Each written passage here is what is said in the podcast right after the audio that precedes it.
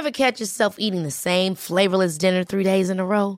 Dreaming of something better? Well, HelloFresh is your guilt-free dream come true, baby. It's me, Gigi Palmer.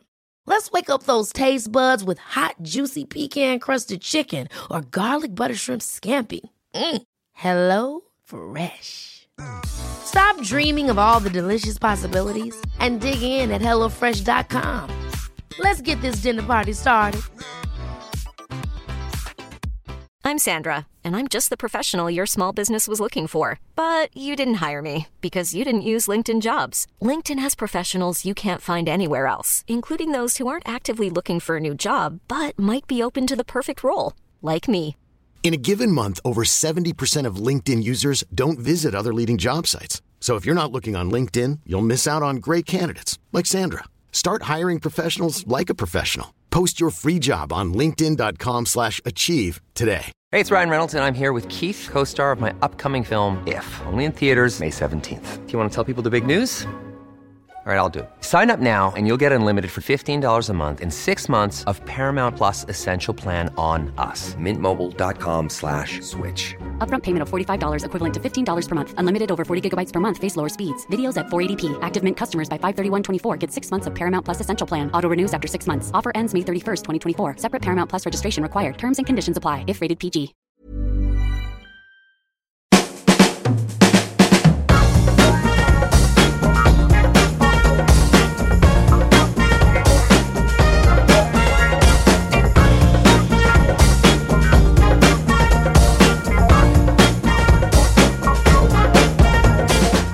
Välkomna till Health for Wealth, en podd om hälsa på arbetsplatsen. Det här är vår tredje säsong, avsnitt 26. Jag heter Ann-Sofie Forsmark. Jag är hälsostrateg, civilekonom och hälsocoach. Jag heter Boel Stier och är kommunikatör och copywriter. Idag ska vi prata om motivation och hur vi kan må bättre om vi förstår oss på våra egna drivkrafter. Ja, det stämmer. Och I förra avsnittet pratade vi med Kristina Andersson om compassion, eller medkänsla på svenska. Och det blir allt mer tydligt för oss att det här med välmående på jobbet, det handlar ju så mycket om relationer och hur vi är mot varandra. Precis, och många tror ju kanske att medkänsla handlar om mesighet eller kravlöshet eller utopiska drömmar om att vi alltid ska må tipptopp. Men så är det inte, utan det handlar faktiskt om hur vi kan rusta oss själva och organisationerna som vi befinner oss i för att stå pall när det blåser. Ja, ett sätt för en chef att rusta medarbetarna för att just stå pall när det blåser, det är att eh, hjälpa medarbetare att ta hand om sina egna drivkrafter.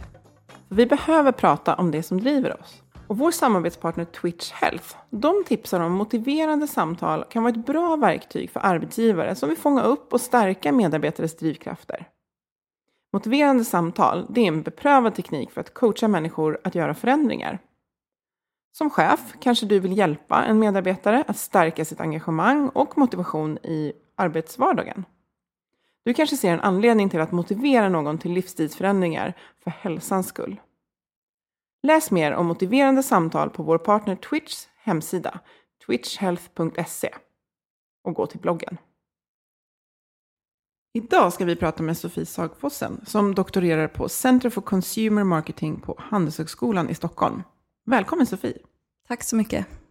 Du forskar om konsumtion av upplevelser och hur man påverkas som konsument av att delta med en eh, aktiv roll i en upplevelse. Eh, till exempel stora motionslopp. Och anledningen att vi har bjudit in dig hit idag är att vi tänkte prata om motivation. Vad som driver oss människor att göra saker. Och vi är förstås intresserade av hur vi kan stärka motivationen på jobbet specifikt för att både prestera och må bra. Ja, eh, då börjar jag med att säga att eh, jag håller på med egentligen ja, just upplevelsekonsumtion, men den teori som jag använder mig av är ju i mångt och mycket just psykologi. Att jag är ju intresserad av hur människor fungerar. Varför gör vi som vi gör? Vad händer inuti våra huvuden? Eh, och när jag försökte förstå ja, till exempel folk som åkte Vasaloppet, då var jag tvungen att läsa in mig en hel del på just motivationsteori. Och det är jättespännande. Um, har du svaret på varför folk åker Vasaloppet som en parentes? Vad kom du fram till? ja, folk är, det korta svaret är att folk är både internt motiverade och externt motiverade samtidigt. Kan man säga. Mm. Det här med internt och externt får du gärna utveckla. Ja, eh, men som eh, akademiker så börjar jag ändå med att bara säga kort någonting om själva grundordet och motivation. Motivation är ett ganska misshandlat begrepp, eh, känner jag, i, i våra tider. Folk slänger sig med det lite här och var.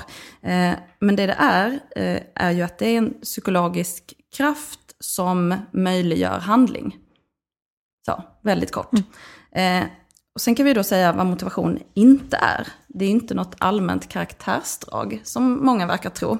Eh, jag hittade ett, ut, en eh, rapport från akademin som hade kartlagt 200 000 platsannonser. Eh, och då hittade de så här. Motiverad, engagerad, ansvarsfull, kommunikativ och flexibel. Det är den perfekta medarbetaren. Och det var alltså samma egenskaper oavsett bransch och yrkesroll.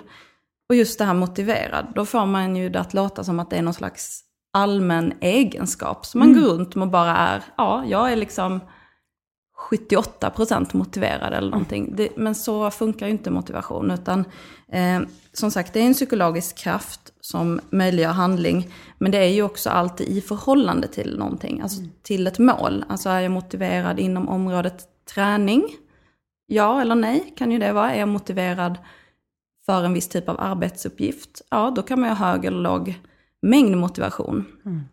Det är det ena. Eh, och den andra delen är ju att en, en, den här ja, kända teorin då, eh, som heter Self-Determination Theory, de har då som är ganska gammal och etablerad, eh, de har också börjat skilja på olika typer av motivation. Så det finns inte bara en sorts motivation, utan det finns Eh, i grova drag två sorter. Och den ena är då inre motivation, eh, intrinsic på engelska.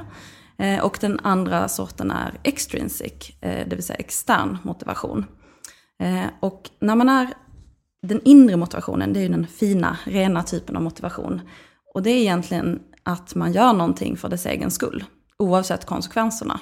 Så man gör inte någonting för att uppnå någonting annat, utan man gör någonting bara för att det i sig är så pass belönande för en själv. Så pass roligt, så pass absorberande, ja vad det nu kan vara. Så att om jag går ut och går på en lång promenad i solen för att jag bara tycker att det är skönt, då är det drivet av en inre motivation. Mm. Medan om jag eh, inte gillar att träna, men jag köper ett gymkort och anställer en PT som tvingar mig att träna varje måndag klockan sju på morgonen, trots att jag inte alls gillar det, ja då är det eh, externt motiverat. Då har jag liksom en kontroll som kontrollerar vad jag gör. Och jag gör det för att uppnå någonting annat. I det här fallet kanske bättre kondition eller någonting. Men vad intressant, för nu låter det ju när du säger så som att vi faktiskt behöver både den inre och den yttre. För, för jag tycker ibland så blir eh, diskussionen om sånt här lite förenklad kanske. Och, och, så är det lätt att hamna i det här läget att ja, men det yttre makt och pengar, det ska vi inte sträva efter, utan vi ska sträva efter inre, att bli lycklig. Men, men riktigt så enkelt är det inte. Nej, precis. Och tänker man då framförallt på eh, arbetslivet och jobb så får man ändå säga att någonstans så är vi ju alla lite externt drivna. Jag menar, vi måste ju kanske ha en lön att leva på till exempel. Mm. Sen kanske inte det är enda anledningen till att vi går, att arbet går och arbetar. Men skulle du ta bort alla, ja, alla konsekvenser av ditt arbete, till exempel lön, berömmelse, uppmärksamhet, ja, vad det nu kan vara. Gemenskap. gemenskap. Ja, eh, frågan är hur många som skulle ändå gå till sina jobb och bara göra det ändå. Mm. Jag skulle gissa inte så många. Så att självklart är det kanske inte rimligt att tro att man går runt och är 100% internt motiverad att eh, utföra sitt jobb. Det mm. känns eh, orealistiskt. Mm. Det var intressant. Jag kommer att tänka på vad vi pratade i förra avsnittet om medkänsla. Och då använde Kristina några begrepp att man, vi kan vara i det här go-get-mindsetet. Där vi lätt kan bli tävlingsinriktade. Och har vi otur blir vi så stressade att vi inte bryr oss om andra eller oss själva. Och då är det för mycket.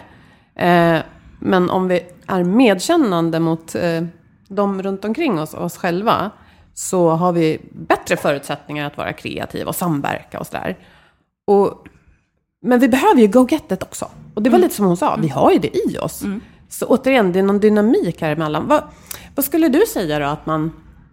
Ja men till exempel om man är, är chef och vill gärna se till att medarbetarna har sin inre motivation med sig, åtminstone till en del, för att det ska bli bra. Vad kan man tänka på? Eh, där är forskningen ganska tydlig. Eh, man säger att det finns tre stycken eh, basala psykologiska grundbehov som, som egentligen alla människor, alla kulturer har. Eh, och de här tre grundbehoven, de, alla de stärker inre motivation. Så vill man stärka sin egen inre motivation eller sina medarbetares, då finns det alltså de här tre stycken som man kan jobba med. Eh, och den första är eh, en, ett visst mått av självbestämmande, autonomi. Mm. Alltså att man känner att man liksom får ja, ta ansvar själv och, och få välja och, och inte liksom konstant vara övervakad, kontrollerad, eh, styrd in i minsta detalj. Det är liksom motsatsen till... Micromanagement hör inte hemma utan... Exakt. Mm. Eh, och känna att man har ett visst mått av egen frihet så att man får ja, känna att man är en fri, ja, fritt handlande individ. Mm. Eh, det är det första. Eh, och sen är det också eh, känslan av kompetens. Alltså att man känner att man utvecklas, kanske man ska säga. Eh, på engelska är det kompetens då, men eh, vi människor gillar ju hela tiden att utvecklas på olika sätt. Och den känslan är i sig eh, belönande. Och den stärker ju vår inre motivation. Så då kan man ju tänka sig att då kan man kanske både eh, göra det i termer av vilka arbetsuppgifter man ger, att folk får lov att utvecklas. Men även kanske skulle jag säga att positiv feedback är ju egentligen att ge ett kvitto på att någon har utvecklats. Det kanske man inte inser själv, men när någon annan påpekar det så kan det bli väldigt tydligt för någon. Mm. Så känslan av att öka sin kompetens, eller utvecklas ska jag säga, är den andra viktiga eh, aspekten för att stärka intern motivation. Sen den sista då är social samhörighet. Eh, och den kan jag tänka mig säkert länkas, kan länkas till compassion på olika sätt. Mm. Eh, men det handlar ju helt enkelt om att vi människor måste ju känna att vi har band till andra människor. Vi mår ju bra av det rent psykologiskt. Mm. Så här är väl allting som, som kan på en arbetsplats som stärker banden mellan medarbetare. Att man får jobba i team och att man trivs med sitt team och man har olika, olika sociala aktiviteter och så. Mm. Um, det är mycket här som, som eh, stämmer ihop med andra så modeller för att må bra på jobbet. Så, så, så, fast det kallas för olika saker. Jag tänker på SCARF-modellen som står för status, certainty, autonomy, eh, relatedness och fairness på engelska då. Eh, och det är många av det, de här mm. begreppen du har pratat om nu som går in i den och det, det är egentligen så, så logiskt. Vi blir mm. inte förvånade när vi hör det. Eh, och det, det jag hör mycket, det, jag tänker utifrån autonomi, där vet jag också att jag läst att Eh, det kan ju vara så att man faktiskt inte är så autonom egentligen. Nej. Alltså det är ganska styrt. Men om man kan skapa sig en upplevelse av att jag kan påverka. Mm. Så, så kan det lösa det och man kan känna sig eh, liksom autonom. Så det låter ju igen mycket som att man måste skapa tid för att diskutera och förtydliga och ge verktyg för att få de här bitarna på plats. För att man då sen ska vara motiverad mot att prestera det som förväntas på arbetsplatsen. Precis, och jag tror också, lite som du var inne på, att det, det kan också vara ganska olika hos individer. Att vissa vill ha ett stort mått av autonomi och liksom få bestämma hur man löser en uppgift. För vissa är ju det hela grejen, att man får lov att vara kreativ och lösa det på sitt sätt. Eh, medan andra vill ha en väldigt tydlig mall för hur man ska göra så, för att känna sig trygg. Och då tänker jag att eh, även om man kanske inte har utrymme för att vara kreativ på jobbet och, och, graden av själv, vad ska man säga, av att man förändrar saker, kanske mm, möjligheten kanske inte är så hög, så måste det ändå handla om att inte ha chefen flåsande i nacken när man gör jobbet, utan att man ändå ska bli litad på. Ja, tänker jag. Absolut. Mm. Eh, det här med Alltså, jag kan inte låta bli att se det här med kravkontrollsupport mm. i det här mm. också. Mm. Tydlighet, att ha resurser att göra det man ska och support. Resurser även i form av andra människor. Så som du säger, det är många modeller som mm. faller på plats. Kasam-modellen också med vilja, kunna och klara av. Alltså det här är modellernas fest. Ja, det är verkligen det. Allt ja. sammanstrålar. mm. Men man kan ju säga, om jag ska ta ett exempel på, alltså det finns ju också ett annat steg som, inte som egentligen kanske är utanför programmet, men det är ju ah, motivation. Alltså att det inte finns någon motivation alls. Eh, det har jag sett på en del arbetsplatser när medarbetare egentligen har gått från att vara otroligt motiverade. Men på grund av ja, kanske dålig arbetssituation och eh, dåligt ledarskap så har det slutat med att folk är helt omotiverade. Och, så småningom då givetvis slutar och söker andra typer av jobb. Eh, och där tror jag man jag menar de här modellerna har funnits länge. Det känns så självklart för oss när vi sitter här och pratar om dem. Mm. Men när man går ut där så ser man att det är ju uppenbarligen inte så självklart för alla. Utan det kan ju till exempel, jag tänker väldigt mycket på ett exempel här. att Det kom en ny vd med en ny strategi. Strategin bestod i att vi ska öka vår omsättning med si och så många miljoner och si och så många procent. Ehm, och hur ska vi göra det här då? Jo, vi ska inte jobba mer, vi ska jobba smartare. Punkt. Jaha. Mm. Det är Tack väl ingen, ja, mm. det var liksom, och när alla redan då jobbar, gör sitt bästa och ja, mm. jobbar kanske ganska mycket övertid.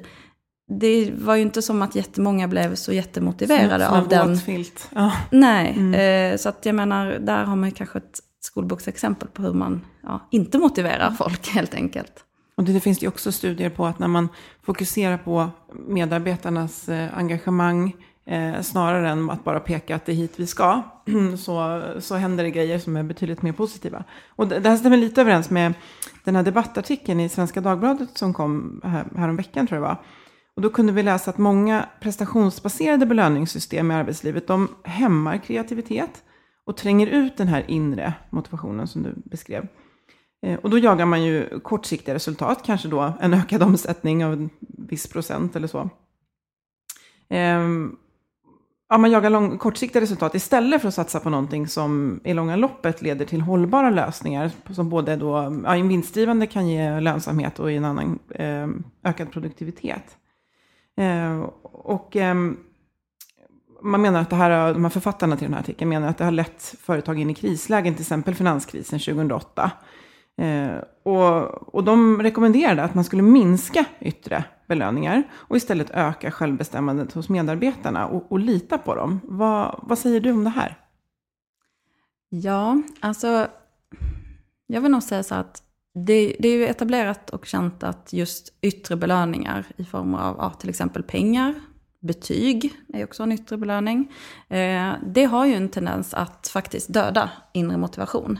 Eh, så finns den inre motivation från början så kan man då helt enkelt förstöra den. Och det har man sett med barn till exempel i skolan. Hur de, ja, man har testat att ge barn pengar för att de har ritat teckningar. Eh, eller då att inte ge dem någon belöning. Och då såg man att de barnen som fick betalt för att teckna de eh, tecknade mindre sen när de inte fick någon belöning. Mm. Eh, så de tappade liksom det Man lär sig att knyta det till den yttre motivationen och så inte, ja. Uh, mm. precis. inte äga det själv. Liksom. Exakt. Mm.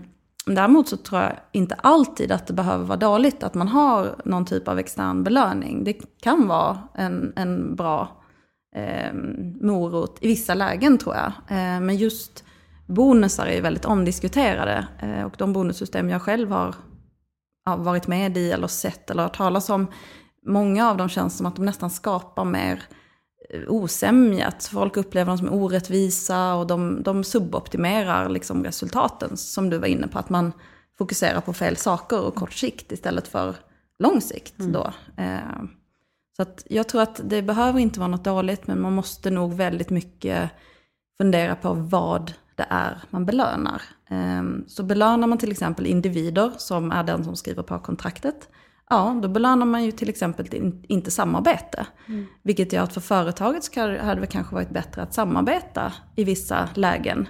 Men det kan ju skapa en kultur där det blir en intern konkurrens istället, där man bara maximerar sin egen, ja, säg försäljning till exempel, istället för att samarbeta eh, med någon annan. Och kanske egentligen då hade man nått ett bättre resultat. Så jag tycker belöningar kan vara bra, men man ska verkligen fundera på vad är man belönar. Mm. Är det själva transaktionen eller är det själva ansträngningen bakom?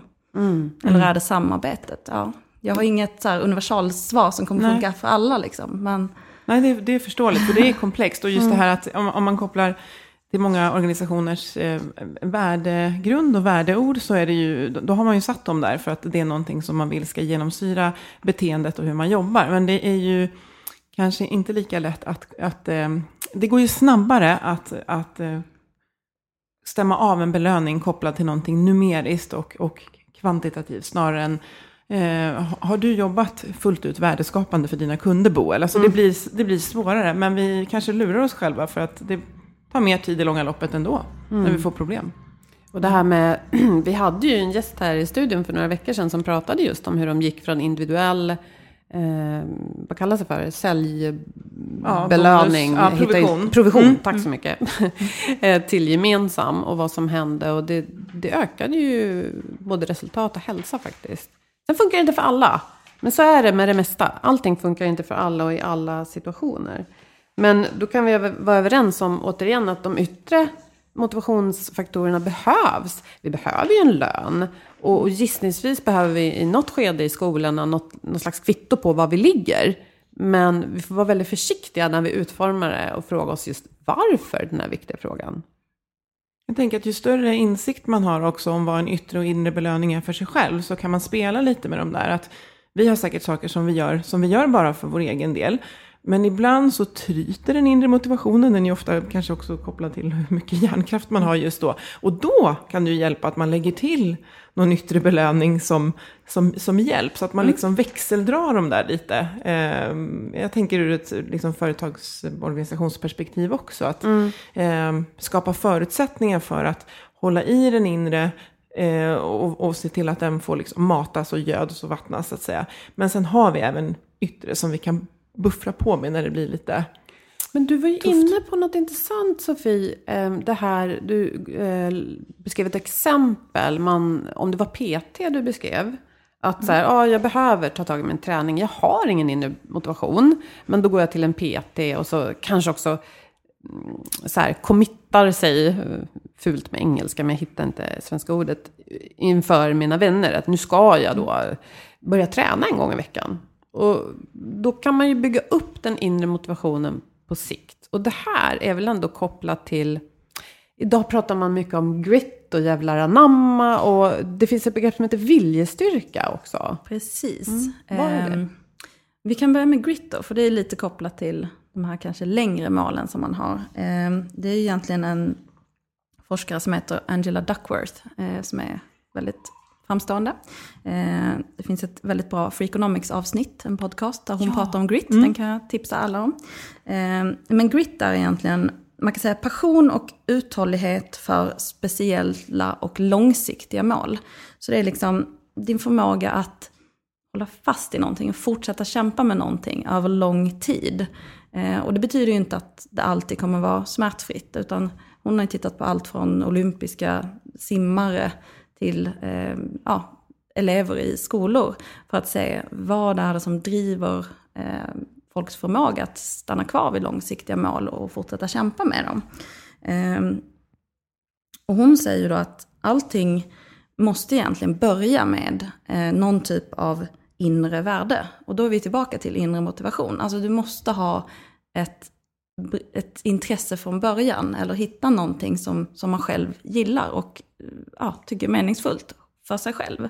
Sen efter det, då handlar det om att ja, ta hand om den passionen. Och det kommer inte alltid vara så att det är jätteroligt att gå ut och springa varje, dag, varje vecka året runt i alla möjliga väder, speciellt om man råkar bo i Skandinavien. Mm. Men om man har en passion för sin sport, eh, som många nu har för triathlon eller ja, löpning och alla de här extrema, då, då gör man ju det. Och eh, det handlar också om då de kallar för deliberate practice. Att man ska ja, träna med ett, ett, um, en, en, mening och att man tränar liksom för att utvecklas. Mm, ett syfte. Eh, ett syfte liksom. Eh, och det är helheten. Den förmågan då kallas ju för grit. Att, ett slags sätt att verkligen se det där långsiktiga målet ja, hela tiden. Att man behåller sin uthållighet och passion mm. eh, för långsiktiga mål. Så grit är, och, och det här är ju saker som man kan liksom påverka själv. Mm. Eh, hade det varit något som man bara föddes med så hade det inte varit någon idé att man liksom ens försökte förstå det. Men det visar sig att gör man de här, hittar man någonting som man är lite intresserad av och känner en liten inre motivation, i alla fall initialt, mm. eh, så kan man ju då fostra den passionen och eh, ja, komma väldigt långt inom det området. Och jag uppfattar också att det pratas mycket nu om att det här är mycket viktigare för att nå framgång än talang. Som vi liksom mm. ofta har pratat om förut. Som man, man föds med nästan. Mm. Alltså vi har haft en syn på att det är något inre som bara finns redan från början. Men att det går att öva upp, det är ju coolt, mm. eh, hoppfullt och eh, vad ska jag säga, demokratiskt. Det är där för alla. Men hur gör man då? Är viljestyrka en, en del i det här? Eh, ja, viljestyrka är en annan, ett annat eh, begrepp som på engelska kallas det för ego depletion ibland. Eh, och det är en, det är en lite annan grej, det är lite, mycket mer kortsiktigt. Är, mm. Man kan säga att det är en psykologisk resurs som finns i hjärnan som, som styr vår självkontroll, vår förmåga att reglera vårt beteende. Eh, och den här resursen då, den kan ta slut. Så att när man har gjort slut på sin viljestyrka, mm. då kan man inte längre ja, kontrollera sig. Då fattar man dåliga beslut. Så till exempel så, om man har gjort eh, kognitivt svåra uppgifter till exempel, eh, då kan man inte motstå eh, kakan. Så då tar man mm. kaka istället för frukt på fikan till exempel. Skulle kunna vara en sån grej. Mm. Eh, ni kanske har hört det här om att eh, president, förra presidenten Obama och även, jag tror Facebooks grundare Mark Zuckerberg, de har ju så här någon som väljer kläder åt dem mm. och den ena har väl alltid samma kläder. Just för att inte slösa mm. med sin mm. viljestyrka, att liksom inte lägga ner den här resursen på oviktiga beslut utan spara den sen till andra saker som då är viktigare. Mm. Just det här begreppet har ju, eller den här forskningen kring det har ifrågasatts lite på senare tid vill jag ändå säga. Så det är lite, själva att, att det finns och att den här effekten eh, förekommer, det, det kan vi nog enas kring. Men sen exakt hur mycket man har av den här viljestyrkan och vilka situationer som den ja, spelar ut sin roll så att säga. Det är kanske inte helt eh, klarlagt. Mm. Men jag tror, de har sett vissa findings är ju robusta. Så. Eh, en av de roligare sådana studier som jag läst, och det var faktiskt när de tittade på folk som eh, folk som eh, var på diet, som var så kallat ja, nästan konstant dieting people, det finns ju säkert många sådana. Eh, och då folk som inte var på någon typ av diet. Och när man jämförde dem mot varandra så såg man att de som faktiskt var på diet alltid, de kunde inte motstå eh, frestelser i samma utsträckning som de som inte var på en diet. Eh, och för mig var ju det lite kontraintuitivt. Men förklaringen som de föreslog då var ju helt enkelt att de som, de som går på en diet, de går ju hela tiden runt och använder sig av sin viljestyrka med att motstå mm. massa saker hela, hela tiden. Vilket gör att den här resursen tar slut. Vilket paradoxalt nog leder till att de misslyckas med det de försöker då göra. Mm. Så intressant. Ja. Det finns en, en, också en studie där man har låtit folk som har fått träna väldigt hårt, så det har gått åt mycket viljestyrka till träningen mm. och sen typ hoppa av cykel eller vad det var och försöka utföra svåra kognitiva utmaningar. Och det har liksom gått sämre, för de har ju som sagt använt sin mm. Eh, kraft någon annanstans. Så det är också väldigt relevant för arbetslivet. Ja. Eh, hur vi eh, liksom organiserar oss eller skapar förutsättningar för att ha kraft för, för det som faktiskt ska utföras. Så vi har ju pratat om det här tidigare, just det här med att spara hjärnkraft. Mm. Eh, och, och, det kan ju vara svårt att, att, relatera till en president, men det är ju fullt relevant för, för en, en tuff kognitiv arbetsdag att se till att man har eh, hjärnkraften där för att, för att utföra det. Absolut. Så där kanske man kan då säga att problemet kanske inte är medarbetarnas motivation, utan det kanske är arbetsmiljön. Mm. Eh, jag menar, dels kan ju ett kontorslandskap vara väldigt stökigt och enormt kognitivt störande. Jag tror ni skulle ha någon framtida podd om det. Mm. Stämmer. Eh, men även liksom att bli avbruten, så den här, ja men har man en företagskultur, att man ska svara på mail väldigt snabbt eh, och när folk förväntar sig att man ska svara väldigt snabbt, då betyder det också att man ska, måste ju avbryta den uppgift man håller på med för att då svara på det här mejlet. Och bara att switcha mellan olika uppgifter tar ju kognitiv energi. Och sen mm. tar det tid att komma tillbaka till uppgiften som man ursprungligen då försökte jobba med. Eh, så där kan man säga att det är ju liksom en arbetskultur, ett ledarskaps, en ledarskapsfråga och en arbetsmiljö faktor. Har ingenting med någons motivation att göra egentligen. Nej, jag tänker oavsett om det finns en policy för hur snabbt man ska svara på mejl eller inte så är vi ju benägna att gå på det här det som senast plingar i telefonen. Dopaminkick. Ja, för åh, då kan jag snabbt svara på något och då har jag gjort något bra och får liksom ett kvitto på att jag behövdes eller hur det nu funkar. Eh, och då kan jag tänka mig att man kan hjälpa medarbetarna att sätta upp rutiner som funkar då. Eh, och det behöver ju inte vara styrande, det kan vara förslag. Att ja, men, kolla mejlen vid tre tillfällen på dagen och stäng av notifieringarna för att kunna ägna då sin motivation, viljestyrka, spara den till de här uppgifterna som är verkligt viktiga för jobbet. Precis. Det finns ju någon eh, amerikansk guru som, hade den, som uppfann det här med zero inbox. Jag vet inte om ni har hört det. Det här att man liksom alltid ska ha rent i sin inbox och alltid svara på allting.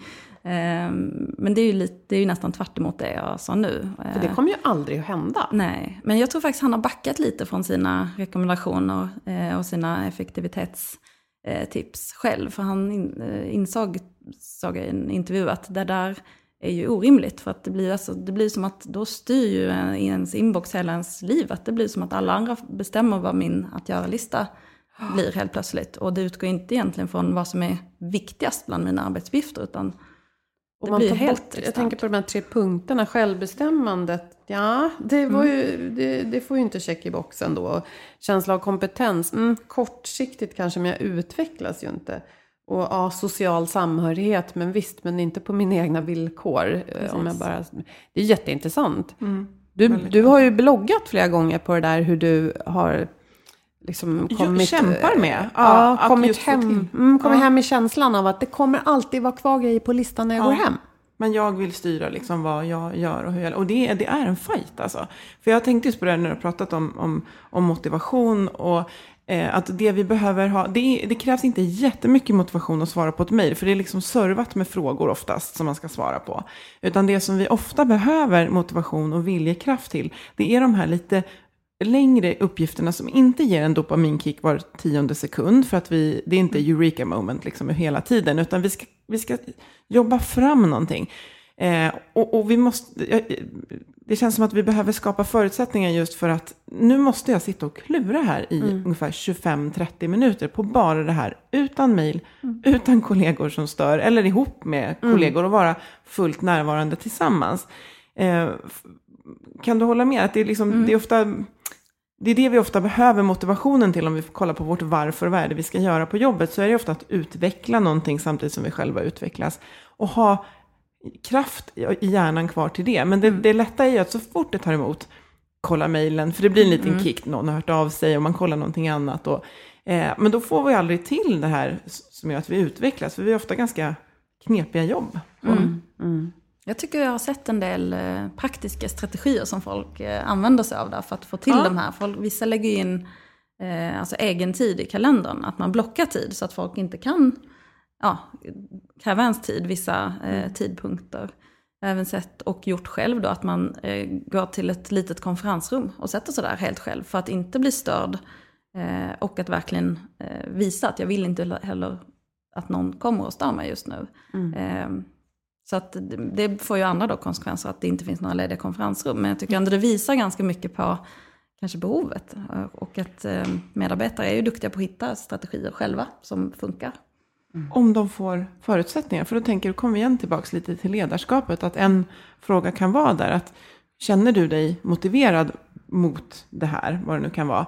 Ehm, och hur, hur ska vi se till att du kan bibehålla de förutsättningarna eller skapa förutsättningar för att bibehålla den motivationen? Vad kan jag som din chef göra för att du ska få de här möjligheterna? Och det kan ju vara just att ja, men jag skulle behöva få gå iväg och blocka av min kalender och skapa den kulturen och, och, och verktygen för det. Jag tänker på, nu har vi verkligen snackat väldigt mycket om begrepp, men det är roligt för det landar i något, något verkligt. Eh, och det finns ett begrepp som heter flow, Ja. som är så himla spännande. Och, men ibland kan det bli en bild av någon slags lyckotillstånd som kan vara väldigt svårt att uppnå. Precis. Det är också ett sånt här buzzword som Ja. har liksom kapats lite grann och används lite på olika sätt. Kanske inte riktigt så som grundaren eller uppfinnaren av det eh, hade tänkt sig. Eh, flow är ju ett, eh, en flow experience helt enkelt. är någonting som eh, Michail Csikszentmihalyi lite osäker på uttalet där, men ja. Eh, som han har forskat väldigt mycket kring under väldigt många år. Eh, och det är egentligen en, ett eh, tillstånd eh, som man är i när man upplever att man är väldigt absorberad i det man gör. Man tänker inte på omvärlden eller tid och rum upphör lite grann att existera.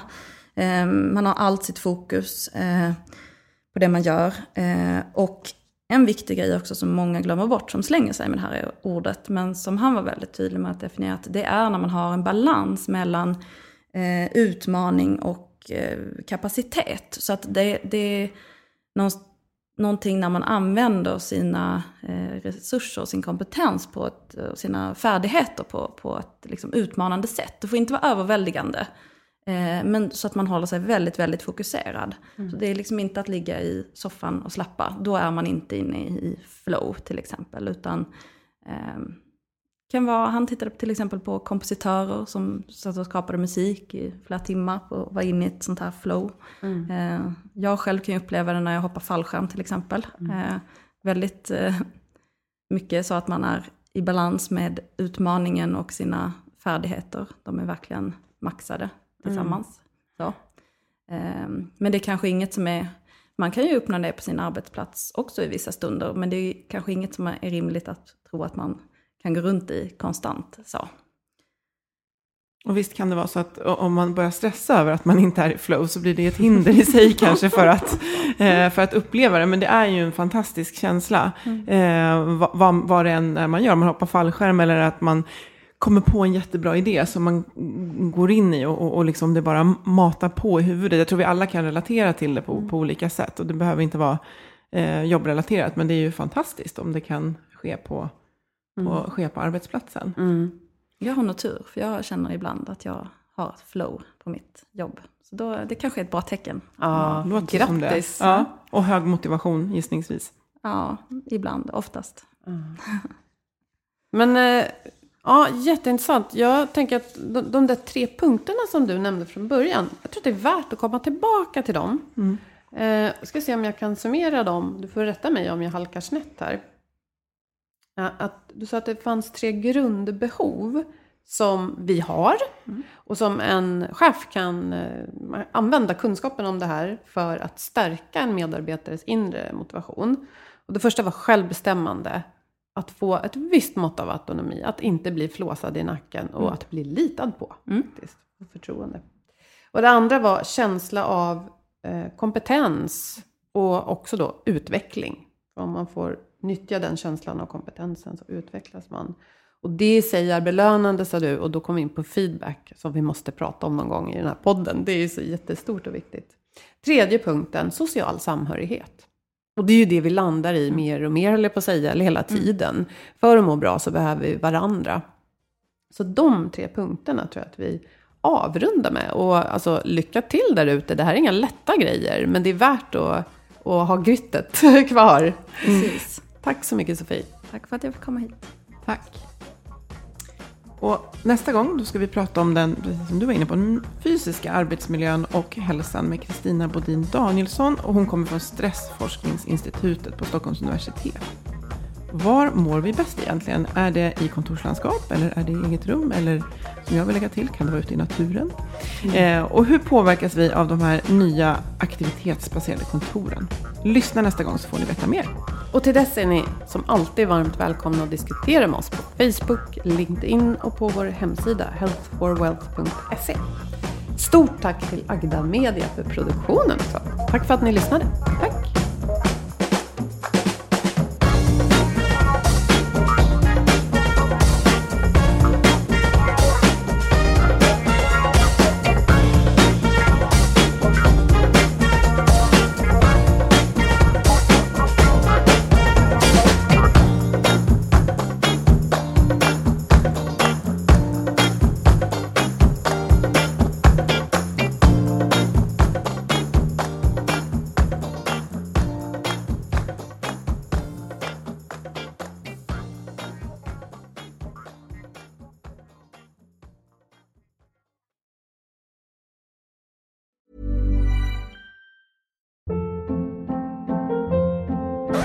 Hold up. What was that? Boring. No flavor. That was as bad as those leftovers you ate all week. Kiki Palmer here, and it's time to say hello to something fresh and guilt-free. Hello Fresh. Jazz up dinner with pecan-crusted chicken or garlic butter shrimp scampi. Now that's music to my mouth. Hello Fresh. Let's get this dinner party started. Discover all the delicious possibilities at hellofresh.com.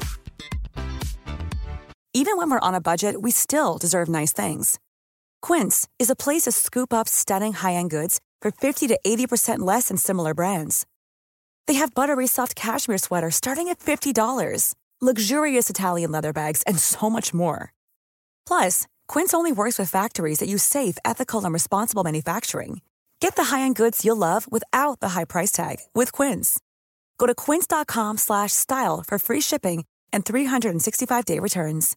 Imagine the softest sheets you've ever felt. Now imagine them getting even softer over time. That's what you'll feel with Bowl and Branch's organic cotton sheets. In a recent customer survey, 96% replied that Bowl and Branch sheets get softer with every wash. Start getting your best night's sleep in these sheets that get softer and softer for years to come. Try their sheets with a 30-night guarantee. Plus, get 15% off your first order at bowlandbranch.com. Code BUTTERY. Exclusions apply. See site for details.